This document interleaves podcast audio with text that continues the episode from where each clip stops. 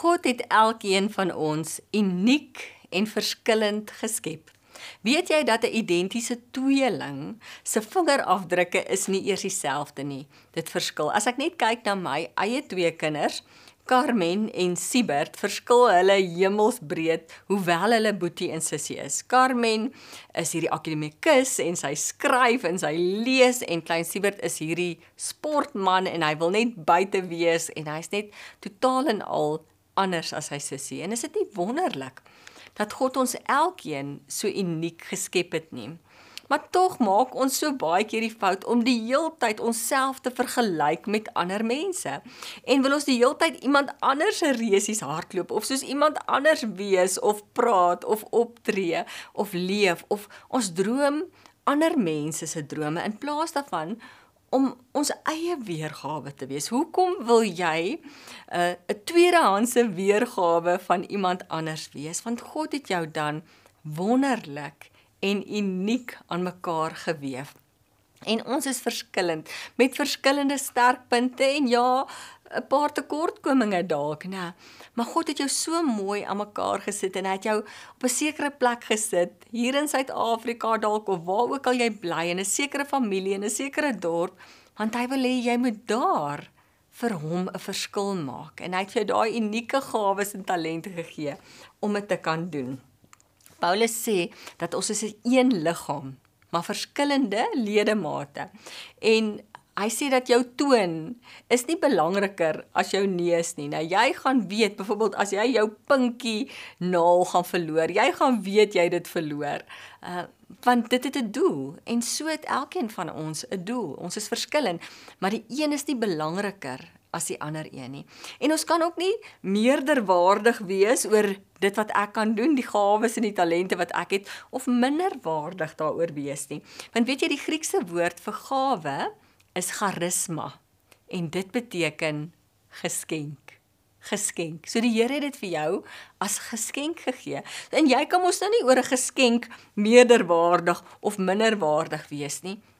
Ek dink jy moet dit omhels dit wie God jou gemaak het en en dit geniet en voluit leef. Want gewoonlik as mens daai talente uitleef en daai gawes uitleef dan gee dit jou energie. Dan help dit jou um, om voluit te leef en om die lewe regtig te geniet. Het jy al agtergekom as jy iets doen wat jy nou nie regtig meer goed is of wat nie dalk 'n gawe of 'n talent van jou is nie dan roof dit jou energie nè waar jou talent en jou gawes gee vir jou energie. En hy het ons so geskep en om te geniet wat ons doen. So hou op om jouself te vergelyk met ander mense. Met ons leef in 'n sosiale media era en ek sien dit so by die jong kinders. Ons is gedurig besig op sosiale media om te kyk hoe ander mense leef en besig om te vergelyk dit wat ek het en dit wat hulle het. En ja, ek is tevrede met my ou vakansietjie in Maagheid tot ek sien my vriendin gaan nou alweer in die Alpe ski. Nou dan's ek nou nie meer tevrede met my vakansie in Maagheid en ek's tevrede met my karretjie tot ek nou sien ooh my man uh se boetie het nou vir sy vrou 'n nuwe kar gekoop of wat ook al. Dan's ek nou nie meer tevrede met my karretjie nie. So ons vers, versigtig wees vir hierdie vergelyk ding. Um Uh, ek praat mos nie van Facebook nie. Ek praat van Fakebook want dit is so bietjie fake. Want meeste mense sit net hulle mooiste en hulle beste op Facebook nou op sosiale media. Jy gaan nou nie op jou sosiale media sit ooh Pietie het wiskunde gedryf nie. Nee jy gaan eerder daar op sit al die medaljes nê en al die toekenninge So dit is 'n bietjie fake. Dit is vals. En nou gaan ons en ons vergelyk onsself met iemand anders se heel beste wat hy die hele tyd daar sit. En weet jy wat? Niemand se lewe is net maanskyn en rose nie. Partykeer as ek na 'n uh, bekende se se sosiale media kyk, dan lyk dit of hulle die hele tyd op vakansie is en of dit net wonderlik en goed gaan met hulle altyd. En en dan dink ons maar, "Sjoe, kom lyk like my lewe dan so." Maar dit is maar bietjie fake en ons moet oppas vir daai vergelykting want Ons elkeen het 'n unieke gawe en omhels dit en geniet dit. Uh, dis amper soos 'n koor. Elkeen in die koor het 'n verskillende stem om te sing. Uh, een mens kan nie al die stemme sing nie. Ons het verskillende stemme nodig. En soos Paulus sê, al hierdie verskillende dele van die liggaam, maar elkeen is belangrik. Dink jy nou in as 'n rugby afrigter gaan en hy stuur 15 stutte op die veld En is nou net 'n klomp stitte wat nou daar gaan speel. Dit gaan 'n groot floppie wees dink ek, né? Om net 'n klomp stitte op die veld is, want elkeen het sy posisie en elkeen van daai posisies is goed met iets en en moet dit uitleef en uitspeel. En daarom hoef ons onsself nie te vergelyk nie. Daar's so 'n mooi Engelse gesegde wat sê don't compare the sun and the moon. They shine when it's their time. They shine when it's their time. En so kan jy weet dat jy dra God se handtekening en hy het jou uniek geskep. En as jy nou kyk na 'n skildery, wat bepaal die waarde van 'n skildery? Is dit die raam van die skildery wat die waarde bepaal? Is dit die doek waar daarop geskilder is wat die waarde van die skildery bepaal? Nee. Dis die handtekening. die handtekening van die skilder wat daarop is wat die waarde van daai skildery bepaal. En jy jy dra God se handtekening en jy is waardevol en jy is kosbaar vir hom. Nou die dag lees ek 'n stuk raak en ek sien my kind so op Instagram en en ek gaan sê dit vir hom die die die stuk het gesê um start living your own life. Don't waste your life by scrolling constantly scrolling through others. Want dis wat ons doen nou, ons is konstant besig om onsself te vergelyk. Hardloop jou eie reusies, hardloop jou eie reusies.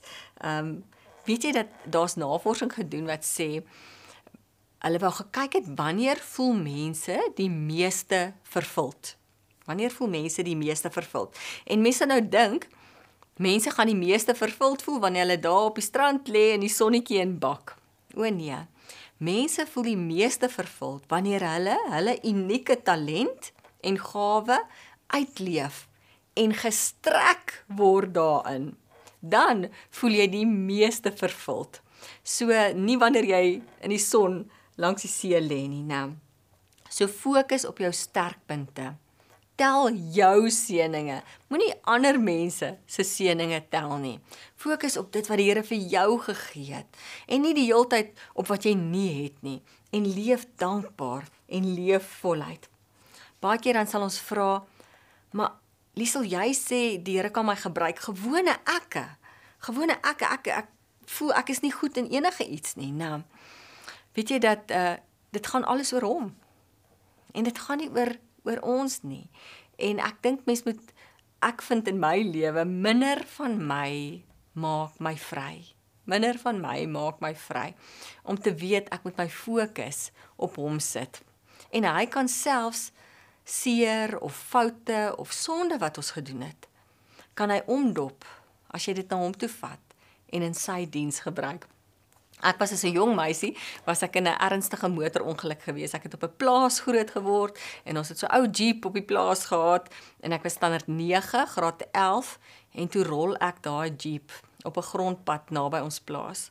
En ek het baie seer gekry. Ek was 3 maande in die hospitaal en vir daai 3 maande my bek en bene twee plekke gebreek en knie beserings penne in my bene gehad en ek kon net in een posisie lê en opgekyk en weet jy daai die Here my geroep om 'n predikant te word. So as dit nie vir daai ongeluk was nie, het ek nie vandag voor jou gesit en met jou gepraat nie. So hy het selfs gegaan in daai te vinnig ry, ehm um, daai fout, daai mislukking, daai seer het hy gegaan en hy het dit omgedop uh, vir 'n hoër doel om sy naam groot te maak. Maar ek moes dit eers vir hom gee. Ek moes daai seer en daai trauma en daai fout moes ek eers vir hom gee en toe kon hy daarmee werk. So hy kan enige iemand gebruik en hy het 'n plan met jou lewe. Hy roep jou vir iets, gaan sit by sy voete en vra vir hom, Here, het vir my hierdie gawes gegee. U het my so uniek gemaak. Hoe wil U my gebruik om hierdie wêreld 'n beter plek te maak? Hoe kan ek myself inspann om 'n verskil te maak vir U, want hy wil dit doen vir jou. Ag en dan uh, sommer net iets wat ek vir jou wil noem rondom roeping en gawes uh want baie keer en, en ek is self skuldig daaraan dan sal ons so baie goed aanpak wat nie eintlik God ons voorgeroep het nie. Hy het eintlik iemand anders hier voorgeroep.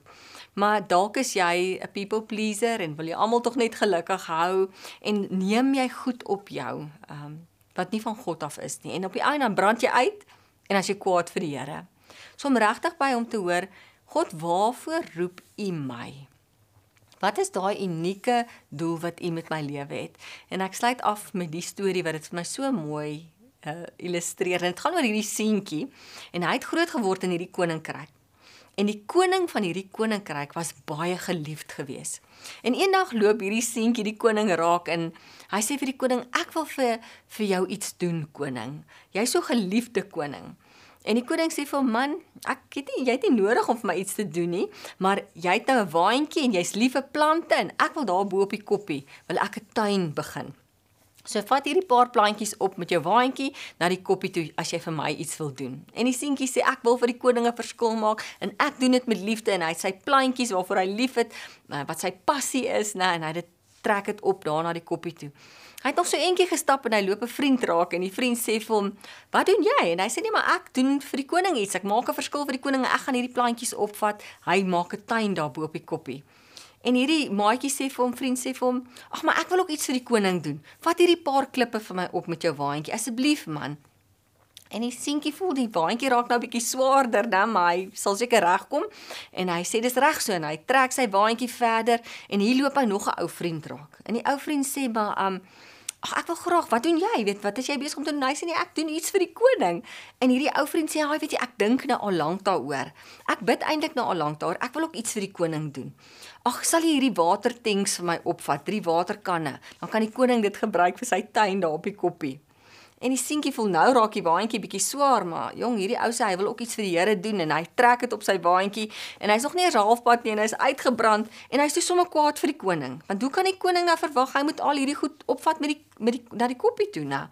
En die koning kom maar aangestap en sê vir die seentjie, "Nou wat nou?" En hy sê, "Nee koning, hoe kan jy verwag dat ek al hierdie goed met hierdie koppie moet opvat omdat jy 'n tuin daarbo wil maak?" En die koning kyk so in die waantjie en hy sê, "Maar hier's mos nou 'n klomp goed in hierdie waantjie."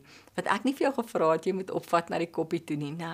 En ag die storie laat my sommer net dink aan aan roeping en jou gawes en wat die Here vir jou opgelê het en baie keer dan brand ons uit omdat ons te veel goed vir te veel mense wil wees. Gaan sit by sy voete en vra hom laat hy jou help om jou drome af te stof, jou roeping af te stof en dan leef jy met selfvertroue want hy het daai gawes vir jou gegee en jy kan voluit leef en 'n verskil volmaak hier op aarde.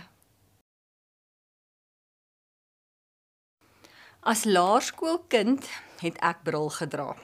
'n Dik ou brilletjie. En ek is gedurig gespot, four eyes, four eyes.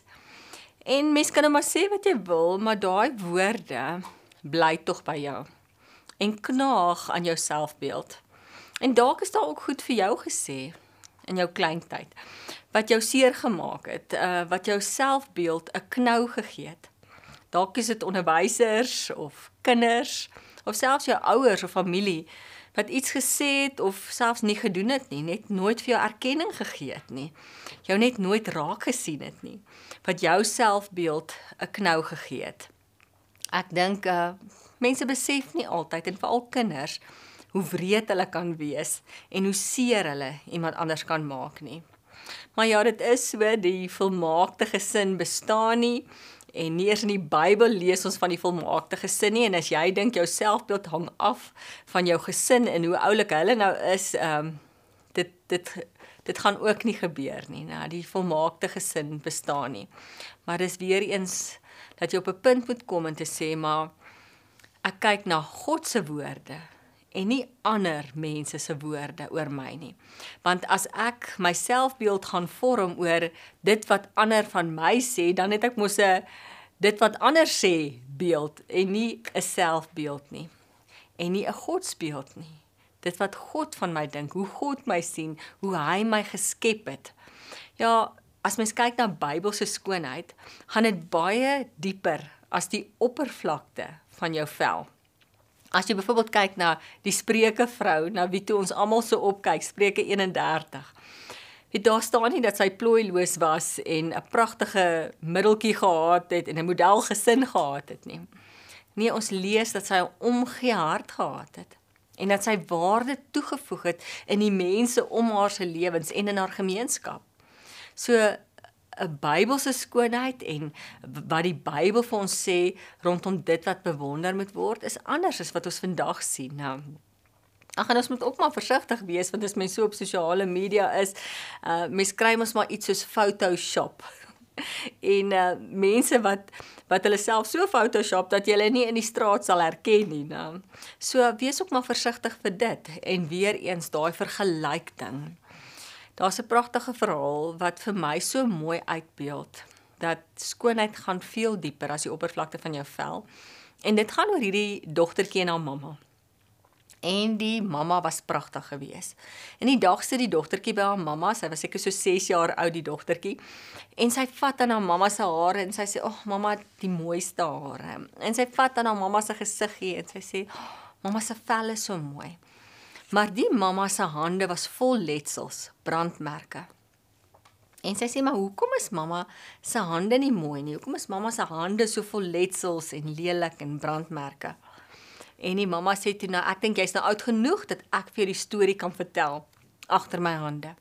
Toe jy klein babietjie was, het ek wasgoed buite in die tuin opgehang en toe ek omkyk toe besef ek die huis is aan die brand. En ek het in die huis ingestorm en ek het met my kaal hande het ek die vlamme doodgeslaan om jou lewe te red. En ek dink so klein soos wat daai meisiekind was, 6 jaar oud, het sy besef wat ware skoonheid is en dat ja, mamma se hare is mooi en haar vel is mooi en sy's pragtig. Maar dit wat eintlik mooi was aan haar mamma, was hierdie hande vol letsels, want dit het haar lewe gered. Ek gaan hierdie storie illustreer sommer vir my, uh wat ware skoonheid is. Miskien het jy ook al iemand ontmoet en aanvanklik dan dink jy, "Sjoe, dis die mooiste mens, model mooi mens." En dan begin hierdie persoon praat en dan sit kritaal en uh, lelike woorde en afbreekend en skinder en het jy al agterkom baie mense kan vir jou soms selfs fisies mooier raak hoe ouer hulle raak of minder aantreklik. En dan kan dit dalk 'n gewone gesiggie wees, maar hierdie vrou het so liefdevolle omgee hart en haar woorde bou op en en dan raak daai persoon vir jou fisies mooier. Ek wonder of dit nie iets is van 'n innerlike skoonheid wat begin uitkom nie. So wat waaroor gaan skoonheid nou eintlik? Nou wat is die persepsie van skoonheid? En as ons die Bybel reg verstaan, dan gaan dit veel dieper as die oppervlakte van jou vel. En ja, gaan dit oor om nie vertroue in jouself te stel nie. As ek moet vertroue in myself stel, gaan gaan ek myself soveel keer teleurstel. As ek moet in myself glo, gaan ek myself soveel keer teleurstel, maar ek glo in God. Ek vertrou God en daarom kan ek God se vertroue hê of dan selfvertroue hê. Maar ja, ons weet al hierdie dinge, nou ons weet dit, maar ons sukkel om dit te word. Ons sukkel om dit regtig te glo. As mens nou kyk na wat die woord alles sê dat ons uh, na God se beeld geskep is, dat hy ons wonderbaarlik geskep het, dat ons sy kinders is, dat ons sy verteenwoordigers, dat hy altyd by ons is. Ons ken hierdie teksverse, maar dit is amper asof ons het nog nie geword het nie. Want die oomblik as die moeilikheid slaan dan vra ons waar is God? Maar ons weet die woord sê hy's altyd by ons nê ons kan onsself mors dood bekommer al weet ons die woord sê maar God is daar en hy sal jou dra en hy sal uitkoms gee. So ons praat nie soos gelowiges nie en ons tree nie regtig altyd soos gelowiges op nie. Al is ons veronderstel ons weet hierdie goed maar ons het dit nog nie geword nie. Uh, ek lees net nou die dag weer die verhaal wat Jesus die regeringsamptenaar se seun gesond gemaak het. En hierdie regeringsamptenaar het na hom toe gekom en gesê sy seun lê op sterwe en Jesus het vir hom gesê gaan maar huis toe, jou seun sal lewe. En hy het dit geglo en hy het opgetree soos iemand wat dit glo en hy het gepraat soos iemand wat dit glo. En sy seun het gesond geword. Maar baie keer dan praat ons soos nie gelowiges nie. Ons sê ons glo in Jesus, maar ons tree nie regtig so op en ons glo dit nie regtig nie. Ons sukkel om te word wat ons weet. Dit laat my altyd dink aan in die verhaaltjie van die mamma wat vir haar kinders sê: "Ruim op julle kamer en doen julle huiswerk." En na so 2 ure kom sy terug en die kinders het dit nog nie gedoen nie en, en sy sê: "Maar wat gaan nie aan? Ek het gesê ruim op julle kamer en doen julle huiswerk." En die jongste enetjie sê: "Mamma, ons het jou woorde ruim jou kamer op, het ons gaan memoriseer." En die ander uh boetiekie sê: "Ja, ons het selfs die Grieks daarvan gaan naslaan." En die mamma sê: "Maar dis nie wat ek wil hê nie, ek wil hê julle moet dit doen." En baie keer doen ons dit met God se woord. Nou ons ons memoriseer daai tekste, daai woordbeloftes. Ons ken, ons weet wat die woord sê, maar ons het dit nog nie geword. Ons ken baie keer selfs die Grieks daarvan, maar ons pas dit nie toe in ons lewens nie. So om regtig dit te glo. Te te glo wat God oor jou sê, te glo hoe hy hoe hy jou sien. Uh, as jy nou die jonger weergawe van jouself hier moet sien. En jou toe jy 3 jarige of 'n 4 jarige was, hoe sal jy hierdie 3 jarige of 4 jarige self hanteer? Met sorg, né, met deernis, met genade, met liefde. Maar ons hou so 'n bietjie op om dit te doen as ons ouer raak. So kom ons doen dit. Paulus sê vir ons, uh, ons moet God dien na liggaam en gees. So met ander woorde, Paulus sê vir ons iets wat daai tyd ongehoord was dat jou liggaam is ook belangrik vir God. Jy moet kyk na jou liggaam. Ehm um, die Grieke het geglo dit gaan alles net oor jou gees, né? En jy kan maar met jou liggaam eintlik doen wat jy wil.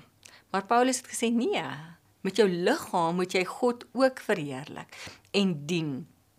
En ehm um, met jou gees moet jy dit ook doen.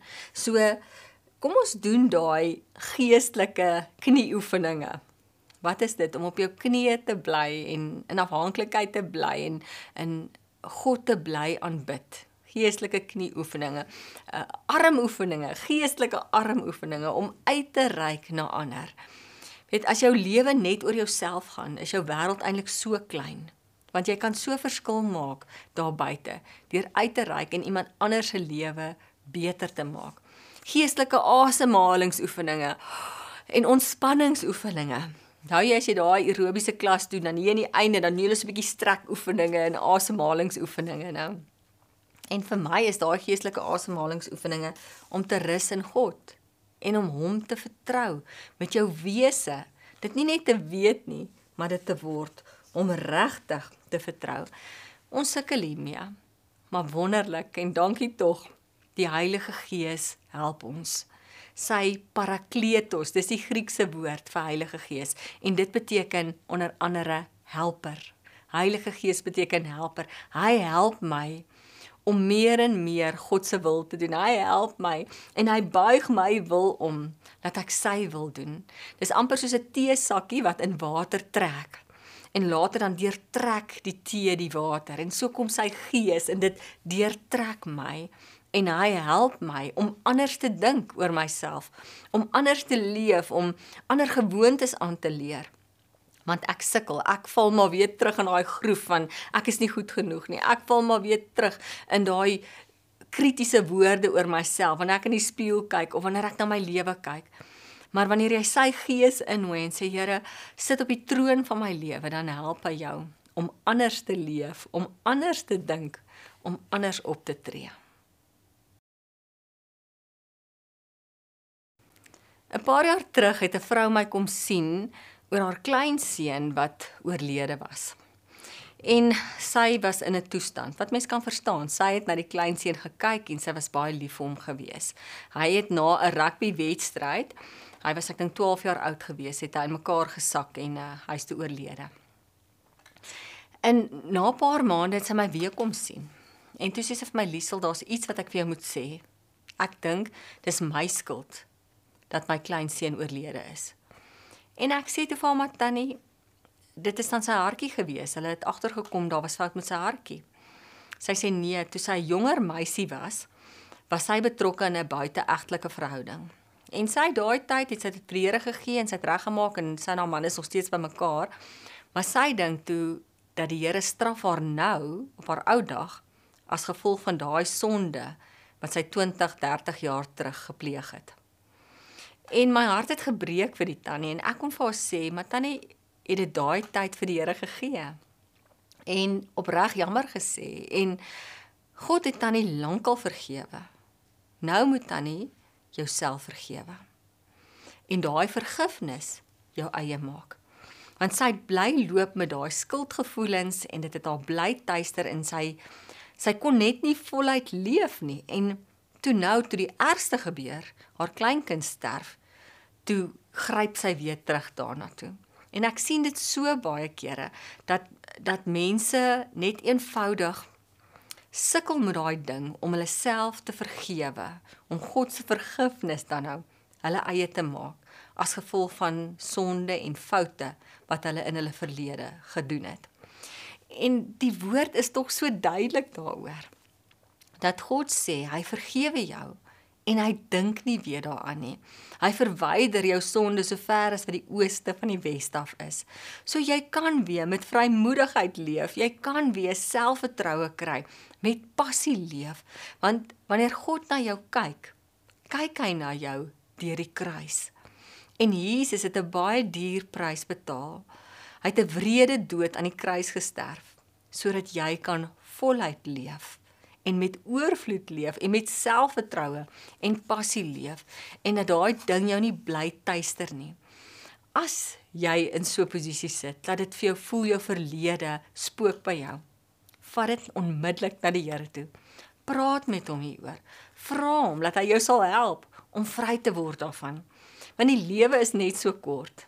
En ek glo God gun vir ons 'n lewe van oorvloed, 'n lewe om met passie te leef, om voluit te leef moet nooit weer sê jy's niks werd nie want Jesus het 'n duur prys vir jou betaal.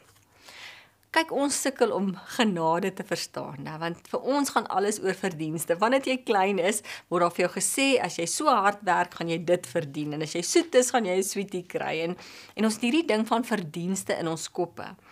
Maar God en Jesus en die evangelie is net radikaal anders weet in vee verhale en en ander konings en ander gelowe sal hulle sê lê jou lewe neer vir my. Maar Jesus sê ek lê my lewe neer vir jou. So dit is so onderste bo teologie, so anders, so radikaal en ons sukkel om dit te verstaan. Daar's 'n mooi storieetjie wat genade vir my nogals uitbeeld en dit gaan oor hierdie man en hy sterf en hy kom by die poorte van die hemel en hier is Petrus.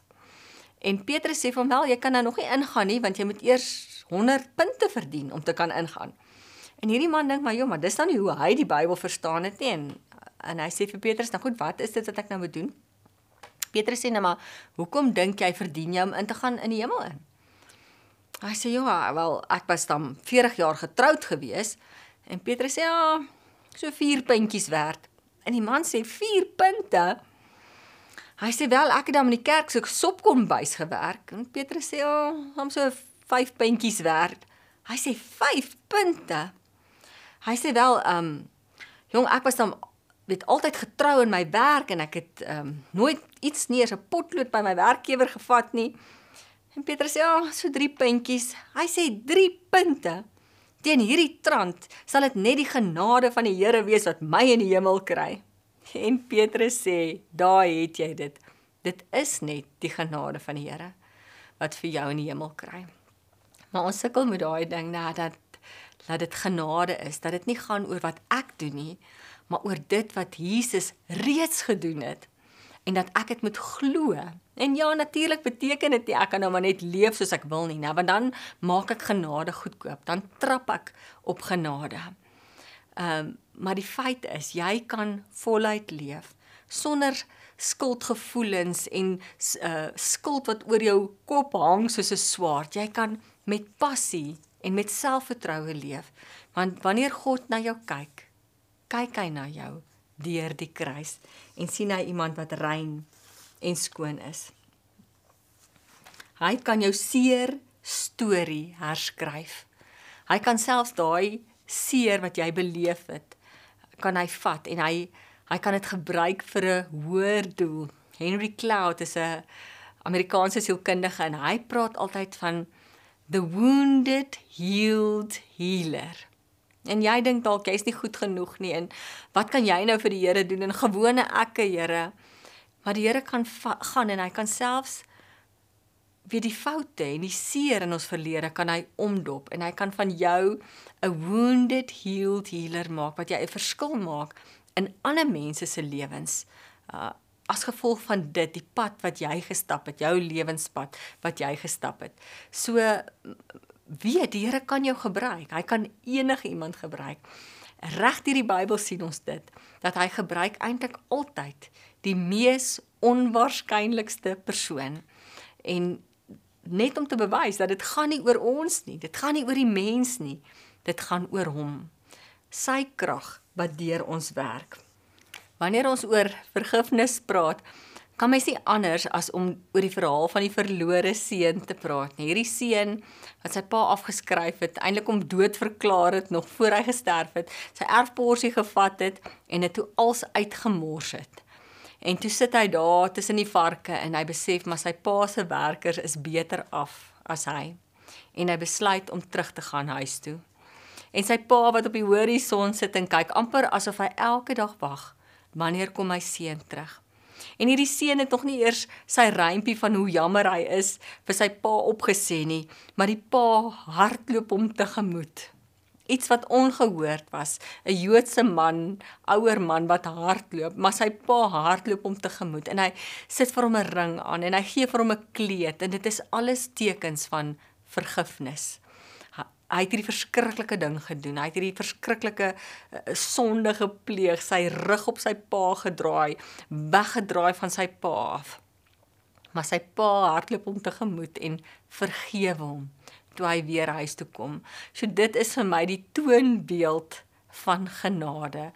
God se liefdevolle Vaderhart. En dit is wat hy vir jou gee. En as jy sukkel om voluit te leef, as jy sukkel om met selfvertroue te leef, as jy sukkel om daai beeld van jouself te sien soos God jou sien, dan moet jy by sy voete gaan sit dat hy vir jou weer uh, die regte visie kan gee, dat hy vir jou weer kan help om te besef dat hy kyk na jou deur die kruis. Net so baie keer sien ek dat mense maak hulle pyn hulle identiteit. Hulle maak hulle pyn hulle identiteit. 'n Vrou sal sê ek is geskei, amper asof sy dink haar hele wese in sy spel nou egskeiding of ek is depressief, asof sy depressie is. Nou, jong mense sal voor my sit en sê my vel is so lelik en ek voel soos een groot pysie. Ek is een groot pysie. Nou ons maak ons pyn ons identiteit. En dit is nie wie jy is nie. Uh jy is 'n kind van die lewende God. En moenie gaan in en daai pyn jou identiteit maak nie. Vat dit, vat daai seer na hom toe. Ons kan uh, met enigiets kan ons met hom praat en hy ons kan baie keer dan dan raak ek ongeduldig vir die Here en ek en ek worstel met hom, maar weet jy wat as jy die psalms lees dan dan kom jy agter maar die digters God word nie geïntimideer deur dit wat ons ons vir hom sê in gebed nie. Hy uh skrik nie as ons vir hom iets skokkend na hom toe bring. Hy weet dit eintlik al klaar, né? So ons kan enigiets met hom deel en hy luister en hy sal jou help. Sy Heilige Gees binne in jou sal jou help.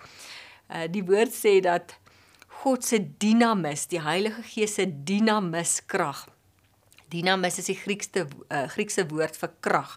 En dis ook waar die woord dinamiet vandaan kom. Sy dinamis krag werk in jou, sy ontploffende krag werk binne in jou. En alleen kan ons dit nie doen nie, maar met die hulp van die Heilige Gees kan ons anders begin leef, kan ons vry leef en kan ons met selfvertroue leef. sien in jou geestesoog iemand wat skarrel wat gedurig bekommerd is wat rondhardloop wat laat is wat uh hier vat en daar los. Teenoor iemand wat rustig is en stylvol is en kalm is en luister regtig in iemand se oë kyk as hy vra hoe dit gaan om regtig te hoor hoe dit gaan. Hierdie twee teenpole nou. En vir my is daai laaste een amper die toonbeeld van iemand wat selfversekerd is, rustig in haarself is. Um partykeer kry mens ook mos mense wat deeltyd ander mense afbreek om self beter te lyk. En dit voel vir my daai persoon het eintlik 'n ongesonde, swak selfbeeld wat sy die hele tyd probeer toesmeer of hy deur ander sleg te sê, deur ander af te breek en dan te dink maar nou gaan ek beter lyk. Like. Nou wanneer ek so praat dan dan laat dit my so bietjie dink aan Martha en Maria, waarvan ons lees in Lukas, die twee sissies van Betanië. En jy ken mos die verhaal van Marthaatjie wat geskarrel het en ons lees dat sy bekommerd was en dat sy besorg was en dat sy sommer vir Jesus aangespreek het en gesê het: "Maar praat met my sussie wat net daar by u voete sit, nou en luister soos 'n waffer se disippels." Ja, en dit is Ma Maria weer eens wat net sit by die Here en luister en ontvang. Uh as mens nou die twee teenpole te mekaar sien, en dan laat dit my altyd dink aan my my tienerseun wat sal sê, "Wat kies jy? Kies jy nou hierdie een wat skarrel en bekommerd is en jaag en vat en los of een wat rustig en kalm is en sit en ontvang?" En dan sal my tienerseun klein Sieber vir jou sê, "Dis 'n no-brainer. Dis 'n no-brainer. Ek wil rustig wees en ek wil ontvang by die Here en ek wil in kalmte by hom sit dat hy my toerus." Nou, Maar hierdie verhaal is so oud en is so bekend, amper oorbekend vir ons, maar tog sukkel ons vandag nog om tot rus te kom by hom en om daai kalmte te kry en daai selfversekerdheid te kry en rus in hom te kry en ons wil die hele tyd skarrel en bekommerd wees um, om tyd te spandeer by sy voete. Ek dink een van die redes hiervoor is is dat ons dink ons is in beheer. En as jy dalk soos ek is, ek is so 'n bietjie van 'n perfeksionis en 'n beheervraat en ek wil weet wat gebeur môre en ek wil um, in kontrole wees, ek wil in beheer wees. En is eintlik bietjie arrogant om so te dink, want eintlik dink jy dan jy's God. Iemand het mos eendag gesê, daar is 'n God en is nie ek of jy nie. Maar wanneer ons so in beheer wil wees, dan is dit vir my baie keer asof ons God probeer speel. En daar lê eintlik soveel rustigheid en vrede daarin om oor te gee aan God en om soos Maria by sy voete te sit en te vertrou en te weet maar ek is nie in beheer nie en ek hoef ook nie in beheer te wees nie want hy hou die toekoms in sy hand en daar sit 'n groot stuk godsvertroue selfvertroue daaraan om to let go and to let God to let go and to let God.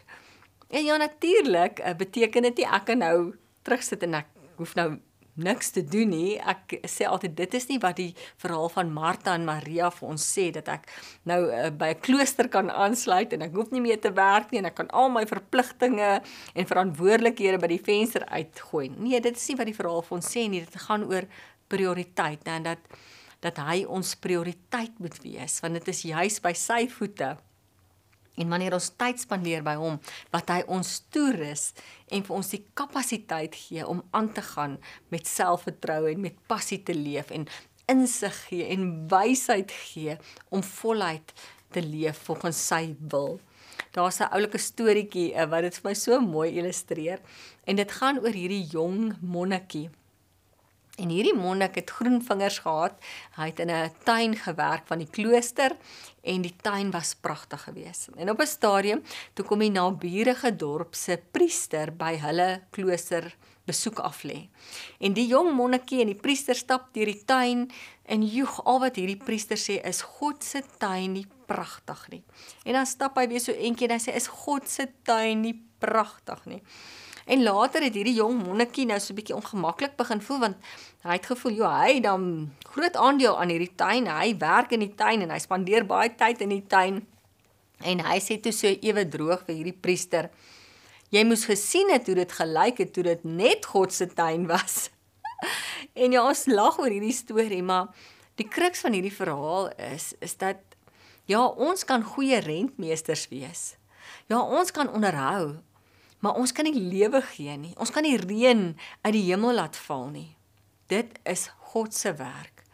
Ons is nie in beheer nie en ek en ek dink um wanneer jy so skarrel en wanneer jy so besorg is en so rondhardloop, dan roof dit jou van 'n stuk selfvertroue. Vertrou God. Wanneer ek terugkyk oor my lewe, so ruk terug um het ek eh, deur 'n slegte ervaring in die besigheidswêreld gegaan wat wat iemand ons ingedoen het in die besigheidswêreld. En ek onthou dit was vir my so sleg want ek is nie iemand wat hou van konflik nie en ek vertrou mense en ek sien die beste in mense. En ek het letterlik fisies siek geword as gevolg van hierdie gebeurtenis. Vir 2 weke was ek platgeslaan in die bed want ek ek kon dit my liggaam het regtig gereageer op dit. En nou so ruk terug het die hele ding ontlont. En as ek nou terugkyk, dan besef ek plaas het ek die Here daai tyd net vertrou. Maar ek was so gestres, ek het dit so aan my laat kleef. Ek het hom eintlik nie vertrou nie en dit is hoekom ek so siek geraak het, nê. En ek wil vandag vir jou sê, hoe sal jy optree as jy God regtig vertrou? Want baie keer as ons so terugkyk, dan besef ons, maar alles het toe eintlik goed en mooi uitgewerk. Plaas het ek hom net eenvoudig meer vertrou. Vertrou God. Jy hoef nie in beheer te wees nie. Hy is. Hy hou die toekoms in sy hand.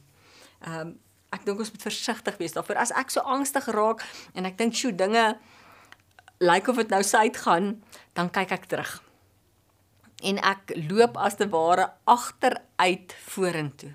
En ek onthou wat God vir my in die verlede gedoen het, hoe hy my gedra het in die verlede, hoe hy uitkoms gegee het in die verlede dalk altyd onmiddellik nie, né?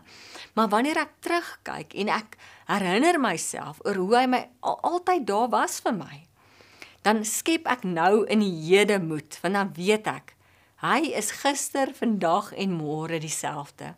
En soos hy my gister gedra het, so sal hy my ook vandag dra en sal hy my ook môre dra en ek kan hom vertrou om agteruit vorentoe te loop.